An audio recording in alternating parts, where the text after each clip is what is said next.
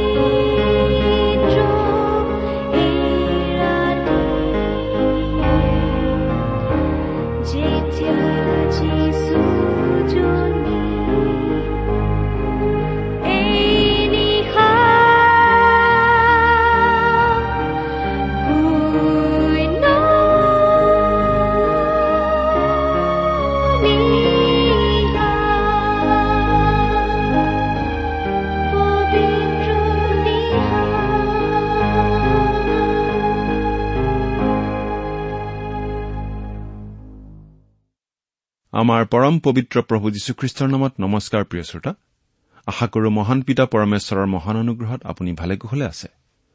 আপুনি বাৰু আমাৰ এই ভক্তিবচন অনুষ্ঠানটো নিয়মিতভাৱে শুনি আছেনে? শুনি কেনে পাইছে আমালৈ চিঠি লিখি জনাবচোন। আহকচোন আজিৰ বাইবেল অধ্যয়ন আৰম্ভ কৰাৰ আগতে খন্তেক প্ৰাৰ্থনাত মূৰ দুৱাওঁ। স্বৰ্গত থকা অসীম দয়ালু পিতৃ ঈশ্বৰ তোমাৰ মহান নামৰ ধন্যবাদ কৰো। তুমি সৰ্বশক্তিমান সৰ্বব্যাপী সৰ্বজ্ঞানী ঈশ্বৰ হৈও আমাৰ দৰে ক্ষুদ্ৰ মানৱক যে ইমান প্ৰেম কৰা সেই কথা ভাবিলেই আচৰিত হওঁ। তুমি আমাক ইমানেই প্ৰেম কৰিলা যে আমাক পৰিত্ৰাণ দিবলৈ তুমি তোমাৰ একেজাত পুত্ৰ যীশুখ্ৰীষ্টকেই আমালৈ দান কৰিলা। তেওঁ ক্ৰুচত নিজৰ পবিত্ৰ তেজেৰে আমাৰ পাপৰ প্ৰাচিত্য কৰিলে। আজি তেওঁত বিশ্বাস কৰি আমি অনন্ত জীৱন লাভ কৰি তোমাক পিতৃ বুলি মাতিব পৰা হৈছো। তাৰ বাবে তোমাক অশেষ ধন্যবাদ পিতা। এতিয়া আমি তোমাৰ মহান বাক্য বাইবেল শাস্ত্ৰ অধ্যয়ন কৰিবলৈ ওলাইছো প্ৰাৰ্থনা কৰিছো। তোমাৰ বাক্য তুমিয়েই আমাক বুজাই দিয়া। এই অনুষ্ঠান শুনি থকা আমাৰ মৰমৰ শ্ৰোতাসকলক তুমি উপচি পৰাকৈ আশীৰ্বাদ কৰা। কিয়নো এই প্ৰাৰ্থনা আমাৰ মহান ত্ৰাণকৰ্তা মৃত্যুঞ্জয় প্ৰভু যীশুখ্ৰীষ্টৰ নামত আগবঢ়াইছো।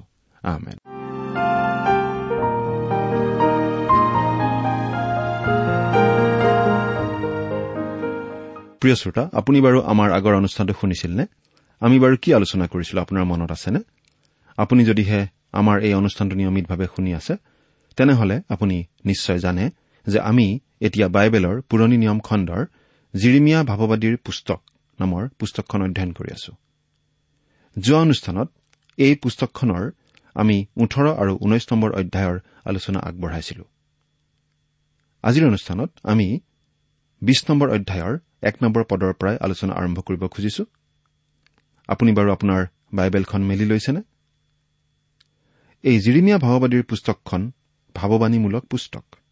ভৱিষ্যতে ঘটিবলগীয়া কিছুমান কথা জিৰিমীয়া ভাৱবাদীৰ যোগেদি ঈশ্বৰে জিহুদা ৰাজ্য অৰ্থাৎ ইছৰাইলীয়া লোকৰ দক্ষিণ ৰাজ্যখনৰ লোকবিলাকক জনাই দিছিল। ইতিমধ্যেই উত্তৰৰ ৰাজ্য অৰ্থাৎ ইছৰাইলৰ লোকসকলক শত্ৰুৱে পৰাস্ত কৰি বন্দী কৰি নিছিল। তেওঁলোকে ঈশ্বৰৰ প্ৰতি অবাধ্য আচৰণ কৰি থকাৰ কাৰণেই। আৰু যীহুদাৰ লোকসকলৰো একেই অৱস্থা হ'ব যদিহে তেওঁলোকে ঈশ্বৰৰ বিৰুদ্ধাচৰণ কৰি থাকে। সেই কথাটো জিৰিমিয়া ভাওবাদীৰ যোগেদি ঈশ্বৰে জনাই দিছে। বিশ নম্বৰ অধ্যায়ত আমি পাওঁ যে জুচিয়া ৰজাৰ মৃত্যুৰ পাছত তেওঁৰ উত্তৰাধিকাৰী আটাইকেইজন ৰজা অৰ্থাৎ জিহুৱাহজ জিহুৱা কিম আৰু চিডিকিয়া আছিল ঈশ্বৰৰ অবাধ্য অতিকৈ মন্দ ৰজা। জিহুদাৰ শেষৰজন ৰজা চিডিকিয়া আছিল আটাইতকৈ বেয়া ৰজা। এহাতে যেতিয়া এই ৰজাকেইজনে জিৰিমিয়াৰ ভাৱবাদীৰ ঘোৰ বিৰোধিতা কৰি আহিছিল। আনহাতে তেতিয়া মৰমীয়াল হৃদয়ৰ আৰু আৱেগিক অন্তৰৰ জিৰিমিয়াই পূৰ্ণ সাহসেৰে বৰ কঠোৰ আৰু আপোচহীনভাৱে জাতিটোৰ ওপৰত ঈশ্বৰৰ সুদবিচাৰৰ ভাৱবাণী ঘোষণা কৰিছিল। আৰু তাৰ ফলস্বৰূপে আমি এই বিশ নম্বৰ অধ্যায়টোত তেওঁ ব্যক্তিগত তাৰণাৰ সন্মুখীন হোৱা দেখিবলৈ পাওঁ। কিন্তু মন কৰক তাৰণাখিনি কোনে আৰম্ভ কৰিছিল? সংগঠিত ধৰ্মীয় সংগঠনে ঈশ্বৰৰ ভাৱবাণীৰ বিৰোধিতা কৰি জিৰমিয়াক ধৰি বন্দী কৰি ৰাখিছিল। আজিও আমি তাকেই দেখা নাপাওঁনে? নৰমপন্থী গীৰ্জাৰ মানুহে ঈশ্বৰৰ বচনক ঈশ্বৰৰ বচনৰূপে বিশ্বাস নকৰে। বিশ্বাস কৰাসকলৰ বিৰুদ্ধে বিৰোধিতা কৰে। বন্দী কৰি ৰখা ধৰ্মীয় নেতাজনৰ নাম হৈছে পচহুৰ কিন্তু ভাৱবাণী প্ৰচাৰ কৰি জিৰিমিয়াই পচহুৰক কৈছিল যে তেওঁৰ ক্ষেত্ৰত পচহুৰ নামটো খাপ নোখোৱাত ঈশ্বৰে তেওঁৰ ক্ষেত্ৰত এটা খাপ খোৱা নাম দিছে আৰু সেয়া হৈছে মেগৰ মিছাহিব অৰ্থাৎ চাৰিওফালে ত্ৰাস। জিৰিমিয়াই এহাতে যেনেকৈ আপোচহীনভাৱে ঈশ্বৰৰ ভাৱবাণী প্ৰচাৰ কৰিছিল তেনেকৈ আনহাতে ইমান কঠোৰ হ'বলগীয়া হোৱাত মনত অশান্তি উপলব্ধি কৰিছিল। নিজৰ জন্মদিনক অভিশাপ দিছিল কাৰণ তেওঁ তেজমঙহৰ মানুহে আছিল।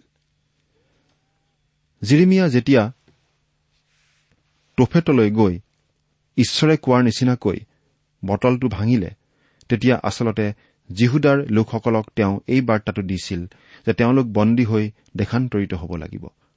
মহান ৰজা জুচিয়াৰ মৃত্যু হৈছে। তেওঁৰ পিছত মন্দ ৰজাবিলাকেহে জিহুদা শাসন কৰিছে।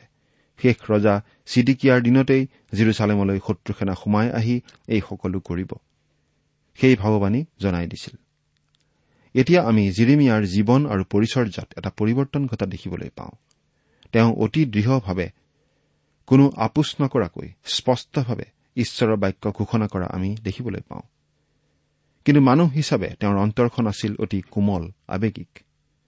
তেওঁৰ প্ৰিয় বন্ধু ৰজা জুচিয়াৰ মৃত্যুত তেওঁ কান্দিছিল বুলি বংশাৱলী পুস্তকত আমি পঢ়িবলৈ পাওঁ। জিৰিমিয়াৰ সেই ভাৱবাণীবোৰৰ প্ৰতি সকলো লোকে অৱজ্ঞাৰ ভাৱ দেখুওৱাও আমি দেখিবলৈ পাওঁ। এতিয়া বিশ নম্বৰ অধ্যায়ত আমি জিৰিমিয়াক পোন প্ৰথমবাৰৰ বাবে শাৰীৰিকভাৱে নিৰ্যাতন কৰাৰ কথা পঢ়িবলৈ পাম। বিশ নম্বৰ অধ্যায়ৰ এক আৰু দুই নম্বৰ পদ পাঠ কৰি দিছো। জিহুৱাৰ গৃহৰ প্ৰধান অধ্যক্ষ ইমেৰৰ পুতেক পুৰোহিত পচহুৰে জিৰিমিয়াক এইবোৰ ভাৱবাণী প্ৰচাৰ কৰা শুনিলত তেওঁ জিৰিমিয়া ভাৱবাদীক প্ৰহাৰ কৰি জিহুৱাৰ গৃহত থকা বিন্নামিনৰ ওপৰ দুৱাৰৰ কুণ্ডাত বন্ধ কৰি ৰাখিলে। অৰ্থাৎ সাংগঠনিক ধৰ্মৰ পৰাই সেই নিৰ্যাতন আহিছিল। জিৰিমিয়া ভাৱবাদীয়ে সেই সময়ৰ ধৰ্মীয় ব্যৱস্থাৰ পৰাই শাৰীৰিক তাৰণা পাইছিল। প্ৰভু যীশুখ্ৰীষ্টক ক্ৰুচত দিয়াৰ ক্ষেত্ৰতো ধৰ্মগুৰুসকলেই আগভাগ লৈছিল। পাছদিনা পচকুৰে জিৰিমিয়াক কুণ্ডাৰ পৰা মুকলি কৰি উলিয়াই আনিলত জিৰিমিয়াই তেওঁক কলে জিহুৱাই তোমাৰ নাম পচহুৰ ৰখা নাই কিন্তু মাগুৰ মিছাবিব চাৰিওফালে ত্ৰাস ৰাখিলে। মাগুৰ মিছাবিব নামে চাৰিওফালে ত্ৰাস। এই কথা বুজায়। অৰ্থাৎ ত্ৰাস সকলো পিনে নামি আহিব বুলি ঈশ্বৰে জনাই দিছে। চাৰি নম্বৰ পদ। কিয়নো জিহুৱাই এই কথা কৈছে চোৱা মই তোমাৰ পক্ষে আৰু তোমাৰ আটাই বন্ধুৰ পক্ষে তোমাক ত্ৰাসৰ বিষয় কৰিম। কিয়নো তেওঁবিলাক শত্ৰুবোৰৰ তৰোৱালত পতিত হ'ব আৰু তুমি তাক নিজ চকুৰে দেখিবা আৰু মই গোটেই জিহুদাক বাবিলৰ ৰজাৰ হাতত সমৰ্পণ কৰিম। তেওঁ তেওঁবিলাকক বন্দী কৰি বাবিললৈ নিব আৰু তৰোৱালেৰে কাটিব। এই ভাৱবাণী জিৰিমিয়াই বাৰে বাৰে জোৰ দি প্ৰচাৰ কৰা আমি দেখিম। দক্ষিণ ৰাজ্য অৰ্থাৎ জিহুদা ৰাজ্য বন্দী হৈ যাব আৰু সেইটো কোনেও বাধা দিব নোৱাৰে। ঈশ্বৰে কৈছে যে আনকি মুচি বা চমুৱেল জীৱিত থকা হলেও একো লাভ নহলহেঁতেন। মানুহবিলাক ঈশ্বৰৰ পৰা ইমান দূৰলৈ আঁতৰি গৈছিল। জিৰিমিয়াক সকলোৱে অৱজ্ঞা কৰিছিল আৰু তেওঁৰ বাৰ্তা অগ্ৰাহ্য কৰিছিল। কিন্তু এই মুহূৰ্তলৈকে তেওঁক শাৰীৰিকভাৱে নিৰ্যাতন কৰা হোৱা নাছিল কিন্তু এতিয়া তেওঁ নিৰ্যাতিত হৈছে। এই সকলো কথাৰ বাবে তেওঁৰ অন্তৰ ভাগি পৰিছে। তেওঁ ঈশ্বৰৰ আগত সকলো এৰি দিব খুজিছে। তেওঁ আৰু ভাৱবাদীৰ কাম কৰিব নোৱাৰে বুলি ঈশ্বৰক জনাব খুজিছে। তেওঁ ভৱিষ্যতে আহিবলগীয়া সকলো দুৰ্দিন দুৰ্দশাৰ কথা বুজি দুখত ভাগি পৰিছে। ন নম্বৰ পদটো পাঠ কৰি দিছো। আৰু যদি মই কওঁ যে মই তেওঁৰ উল্লেখ নকৰো বা তেওঁৰ নামেৰে আৰু নকওঁ তেনেহলে মোৰ হাড়বোৰত বন্ধ কৰা জ্বলি থকা জুই যেন মোৰ অন্তৰত লাগে। মই সহি সহি ক্লান্ত হলো সহি আৰু থাকিব নোৱাৰো। জিৰিমিয়াই কৈছে এই বাৰ্তাটোৱে মোৰ অন্তৰ ভাঙি দিছে আৰু এই বাৰ্তাই মোৰ বাবে কঢ়িয়াই আনিছে ধৰ্মীয় নেতাসকলৰ পৰা নিৰ্যাতন আৰু মানুহবোৰৰ পৰা প্ৰত্যাখ্যান। গতিকে মই এই কাম বাদ দিব খুজিছো। কিন্তু যেতিয়া তেওঁ সেই কাম বাদ দিব খুজিছিল তেতিয়া তেওঁ দেখিলে যে ঈশ্বৰৰ বাক্য তেওঁৰ হাড়ত জুইৰ নিচিনাকৈ জ্বলিছে। গতিকে তেওঁ কৈছে মই এই বাৰ্তা কবই লাগিব। মই নোকোৱাকৈ থাকিব নোৱাৰো। ঈশ্বৰৰ বাক্য বিলোৱা প্ৰত্যেকজন লোকৰ মনত এনে জৰুৰী মনোভাৱ এটা থাকিব লাগে। আপোনাৰ মনত বাৰু এনে ভাৱ জাগেনে প্ৰিয় শ্ৰোতা? আপুনি যদি কিবা পৰিচৰ্যাত আছে তেনেহলে সেইটো আপুনি কেৱল এটা চাকৰি হিচাপেহে লৈছে নেকি? আপোনাৰ অন্তৰখন আপোনাৰ কামত আছেনে? যদিহে আপুনি ঈশ্বৰৰ বাক্যক প্ৰেম কৰে তেনেহলে সেই বাক্য আপুনি বিলাই দিবলৈ বিচাৰিবই। সেই সুবিধা নাপালে আপোনাৰ বেয়াহে লাগিব। কিন্তু যদিহে ঈশ্বৰৰ বাক্যৰ প্ৰতি আপোনাৰ কোনো মৰম ভালপোৱা ভক্তিৰ ভাৱ নাই তেনেহলে সেই বাক্য আপুনি বিলাবলৈ চেষ্টা নকৰাই ভাল। জিৰিমিয়াৰ অন্তৰত চলি থকা সেই ধুমুহাৰ কথা আমি সহজে বুজি পাওঁ। তেওঁৰ মনৰ বেদনা আমি প্ৰকাশ পাই উঠা দেখিবলৈ পাওঁ। চৈধ্য আৰু পোন্ধৰ নম্বৰ পদ। মই যিদিনা জন্মিছিলো সেই দিন অভিশপ্ত হওক। মোৰ মাতৃয়ে যিদিনা মোক প্ৰসৱ কৰিছিল সেই দিন আশীৰ্বাদহীন হওক। তোমাৰ পুত্ৰ সন্তান জন্মিল বুলি যি মানুহে মোৰ পিতৃক সংবাদ দি আনন্দিত কৰিছিল সিও অভিশপ্ত হওক। জিৰিমিয়াই মনত অতিশয় বেদনা অনুভৱ কৰিছে। এই কথা আমি ইয়াত বুজি পাইছো। এতিয়া আমি ওঠৰ নম্বৰ পদটো চাওঁ হওক মোৰ দিন লাজেৰে অন্ত হবৰ নিমিত্তে পৰিশ্ৰম আৰু সুখ দেখিবলৈ মই কিয় গৰ্ভৰ পৰা বাহিৰ হলো? মইনো কিয় জন্মিছিলো? এই বুলি আন ভাৱবাদী কিছুমানেও কোৱা আমি পাই আহিছো। এলিয়া জোনা আদি ভাৱবাদীয়েও এনেদৰে অন্তৰত চলা ধুমুহাৰ কথা প্ৰকাশ কৰিছিল। এতিয়া আমি এঘাৰ নম্বৰ অধ্যায়ৰ পৰা ঊনত্ৰিশ নম্বৰ অধ্যায়লৈকে পঢ়িলে পাওঁ জিহুদাৰ শেষৰজন ৰজা চিডিকিয়াৰ দিনত ঘোষণা কৰা ভাৱবাণী আৰু আমি একেবাৰে শত্ৰুৰ হাতত জিৰচালেম ধ্বংস হোৱা আৰু জিহুদাৰ লোকবোৰ বন্দী হৈ যোৱাৰ ঘটনা পৰ্যন্ত দেখিবলৈ পাম। একৈশ আৰু বাইশ নম্বৰ অধ্যায়ত আমি অতি কঠোৱা বাৰ্তা পাওঁ। একৈশ নম্বৰ অধ্যায়ৰ এক আৰু দুই নম্বৰ পদ পঢ়িছো। মিনতি কৰো তুমি আমাৰ নিমিত্তে জিহুৱাৰ আগত সোধা। কিয়নো বাবিলনৰ ৰজা নবুখত নেজৰে আমাৰ বিৰুদ্ধে যুদ্ধ কৰিছে। তেওঁ আমাৰ ওচৰৰ পৰা গুচি যাবৰ নিমিত্তে কিজানি জিহুৱাই নিজৰ সকলো আচৰিত কাৰ্য অনুসাৰে আমালৈ ব্যৱহাৰ কৰিব। এই বুলি কবলৈ চিডিকিয়া ৰজাই মলকিয়াৰ পুত্ৰ পচঘুৰক আৰু মাছিয়াৰ পুত্ৰ ছফনীয়া পুৰোহিতক জিৰিমিয়াৰ ওচৰলৈ পঠোৱা সময়ত জিহুৱাৰ পৰা জিৰিমিয়াৰ গুৰিলৈ অহা বাক্য। চিডিকিয়া ৰজাৰ দিনতেই বেবিলনৰ ৰজা নবুখত নেজৰে জিৰচালেম আক্ৰমণ কৰি ধ্বংস কৰিছিল। বিপদৰ সময়ত চিডিকিয়া ৰজাই সেইজন ব্যক্তিৰ ওচৰলৈ গৈছিল যিজনে সঁচাকৈয়ে ঈশ্বৰৰ বাক্য বিলোৱা বুলি তেওঁ জানিছিল। তেওঁ সেই সময়ৰ সাংগঠনিক ধৰ্ম ব্যৱস্থাৰ পৰা সহায় বিচৰা নাছিল। বিপদত পৰিলে আচলতে মানুহে ঈশ্বৰৰ ওচৰ চাপিবলৈ ভাল পায় ঈশ্বৰৰ বাক্য শুনিবলৈ ভাল পায়।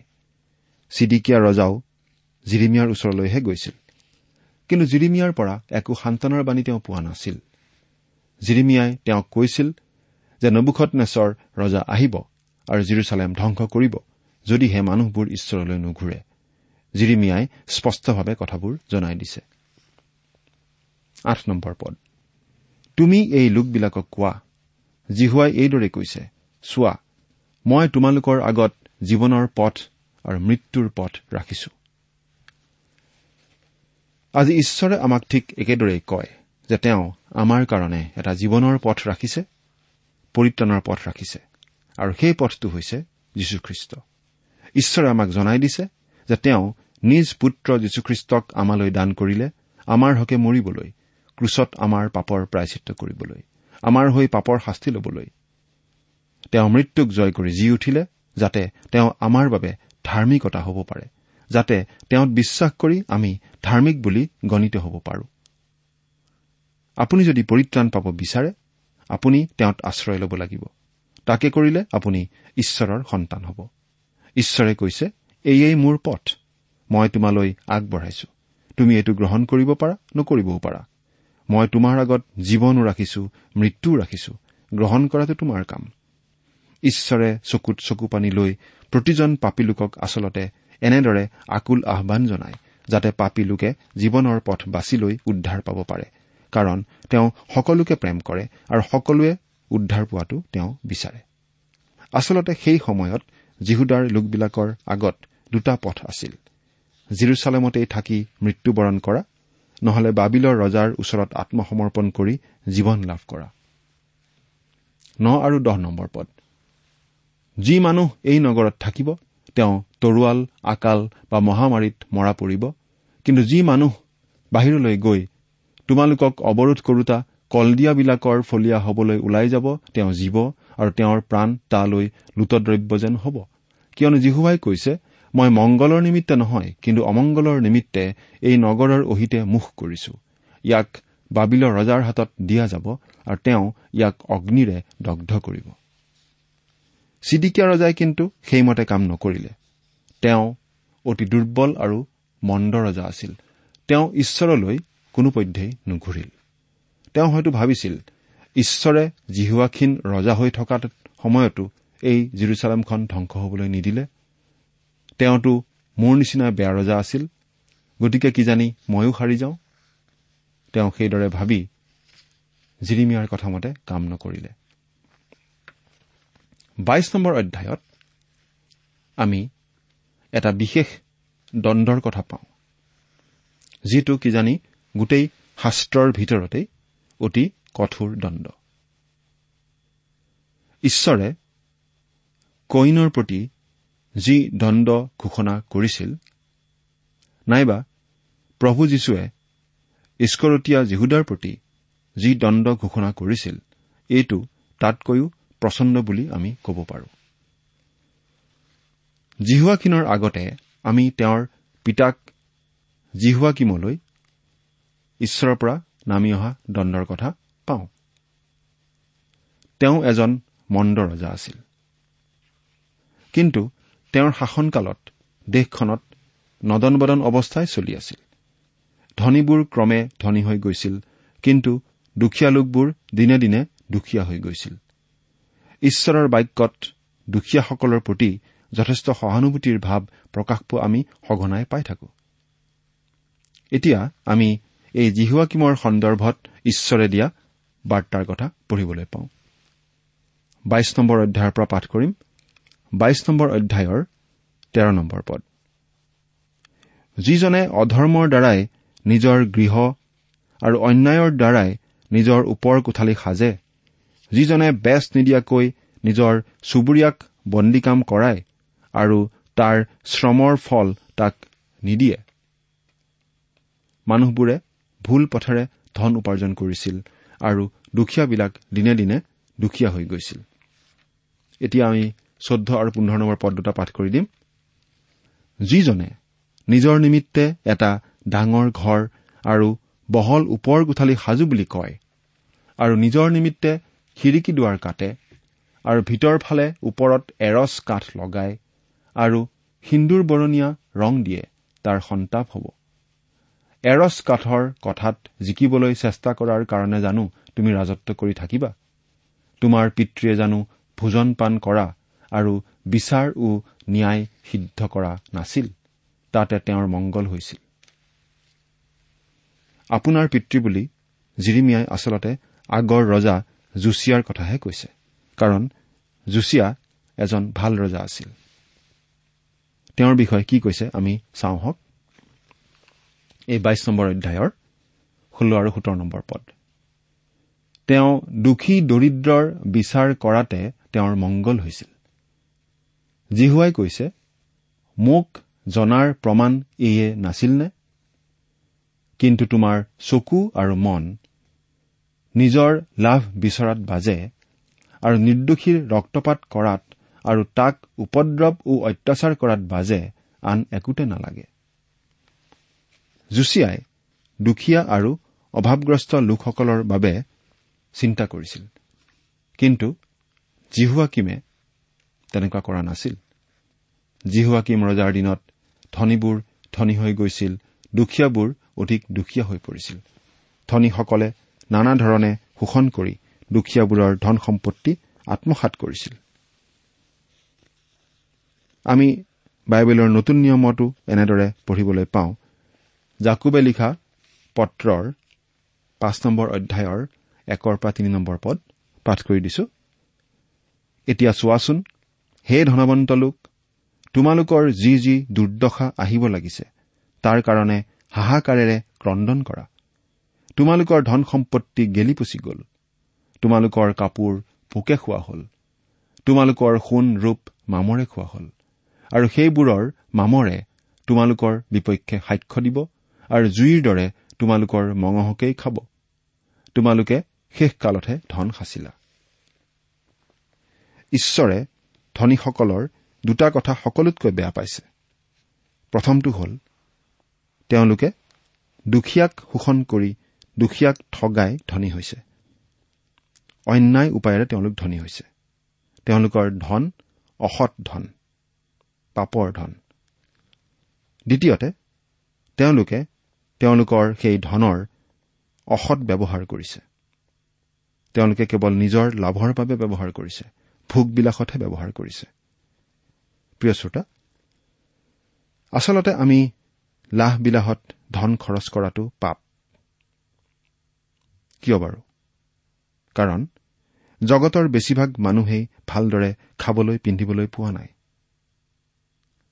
গতিকে য'ত জগতৰ বেছিভাগ মানুহেই ভালদৰে খাবলৈকে পোৱা নাই সেইখন পৃথিৱীত আমি লাহবিলাহত অবাবত ধন খৰচ কৰাটো নিশ্চয় পাপ। আৰু এই ধনীসকলেই আচলতে ঈশ্বৰৰ বাক্যৰ প্ৰতিও বেছি অৱহেলা দেখুৱায়। এতিয়া আমি পাওঁ কনিয়াৰ বিৰুদ্ধে অহা ঈশ্বৰৰ দণ্ডৰ বাক্য। পাঠ কৰি দিম। বাইশ নম্বৰ অধ্যায়ৰ চৌব্বিছ আৰু পঁচিছ নম্বৰ পদ।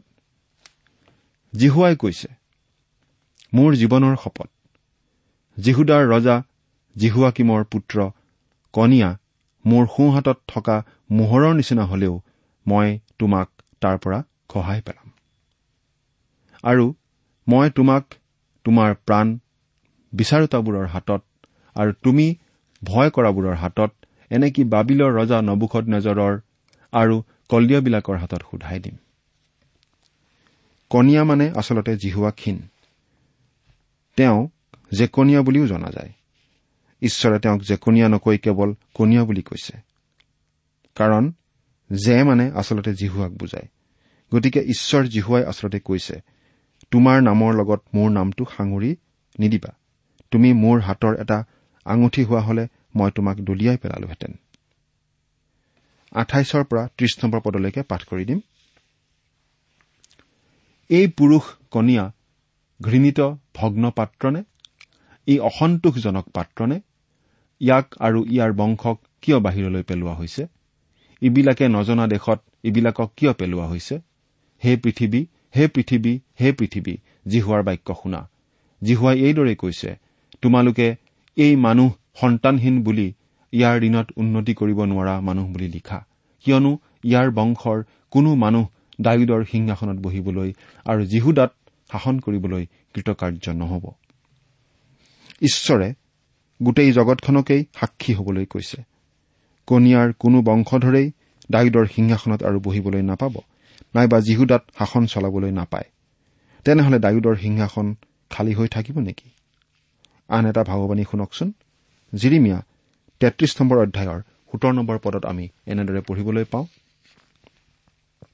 কিয়নো জিহুৱাই এই কথা কৈছে ইছৰাইল বংশৰ সিংহাসনৰ ওপৰত বহিবলৈ ডায়ুদ বংশীয় পুৰুষৰ অভাৱ নহ'ব।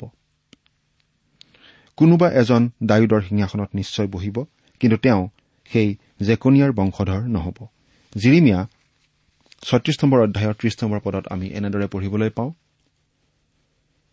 এই হেতুকে জিহুদাৰ ৰজা জিহুৱাকিমৰ বিষয়ে জিহুৱাই এই কথা কৈছে যে ডায়ুদৰ সিংহাসনৰ ওপৰত বহিবলৈ তেওঁৰ কোনো নাথাকিব আৰু তেওঁৰ শৱ দিনত ৰ'দত আৰু ৰাতি নিয়ৰত পেলোৱা হৈ পৰি থাকিব। প্ৰভু যীশু ডায়ুদৰ বংশত জন্মিছিল যদিও তেওঁৰ বংশটো মৰিয়মৰ যোগেদিহে দেখুওৱা হৈছে। কাৰণ আচলতে জোচেফ ডায়ুদৰ বংশৰ হলেও জোচেফ যীশুৰ জাগতিক পিতৃ নাছিল। কাৰণ যীশুৰ জন্ম হৈছিল পবিত্ৰ আত্মাৰ জৰিয়তে কুমাৰী মৰিয়মৰ গৰ্ভত। গতিকে তেওঁ মৰিয়মৰহে পুত্ৰ। জোচেফ জিহুৱা কিমৰ বংশধৰ আছিল। কিন্তু তেওঁ যিহেতু আচলতে যীশুৰ জাগতিক পিতৃ নহয় গতিকে যীশু তেওঁৰ বংশধৰ নহয় বুলিহে আমি ক'ব পাৰোঁ। প্ৰভু যীশুৱেই সেই ডায়ুদৰ সিংহাসনত এদিন বহিব। তেওঁৱেই সেই আহিবলগীয়া মুচিহজনা। তেওঁৰ সেই ৰাজত্বৰ সময়লৈ আপুনি বাৰু আশাৰে বাট চাই আছেনে? ঈশ্বৰ আপোনাৰ সহায় হওক।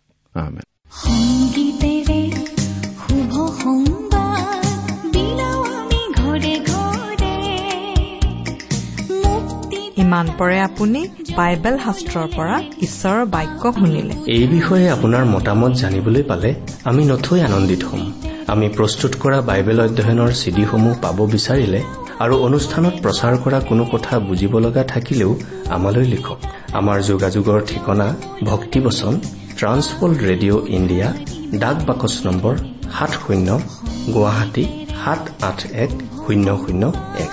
ঠিকনাটো আকৌ এবাৰ কৈছো ভক্তিবচন ট্ৰান্সৱৰ্ল্ড ৰেডিঅ' ইণ্ডিয়া ডাক বাকচ নম্বৰ সাত শূন্য গুৱাহাটী সাত আঠ এক শূন্য শূন্য এক। আমাৰ ইমেইল এড্ৰেছটো হৈছে Assamese T TV at the rate radio' eight eight two dot com. আমাৰ website W W W dot T W R dot in.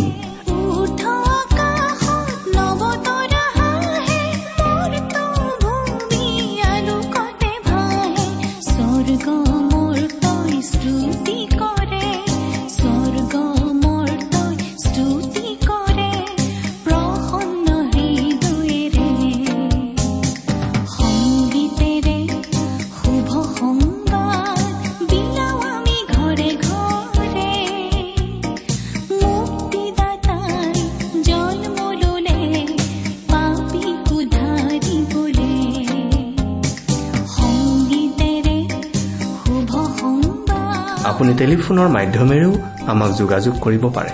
আমাৰ টেলিফোন নম্বৰটো হৈছে nine eight five four zero' four zero' eight eight nine. Phone নম্বৰটো আকৌ এবাৰ কৈছো ন আঠ পাঁচ চাৰি শূন্য চাৰি শূন্য আঠ আঠ ন। আপুনি এই ভক্তিবচন অনুষ্ঠানটি আমাৰ website W W W dot radio' eight eight two dot কমতো শুনিব পাৰিব। আজিৰ অনুষ্ঠানটি ইমানতেই সামৰিছো। ঈশ্বৰৰ শান্তি আৰু অনুগ্ৰহ আপোনাৰ লগত থাকক। ধন্যবাদ।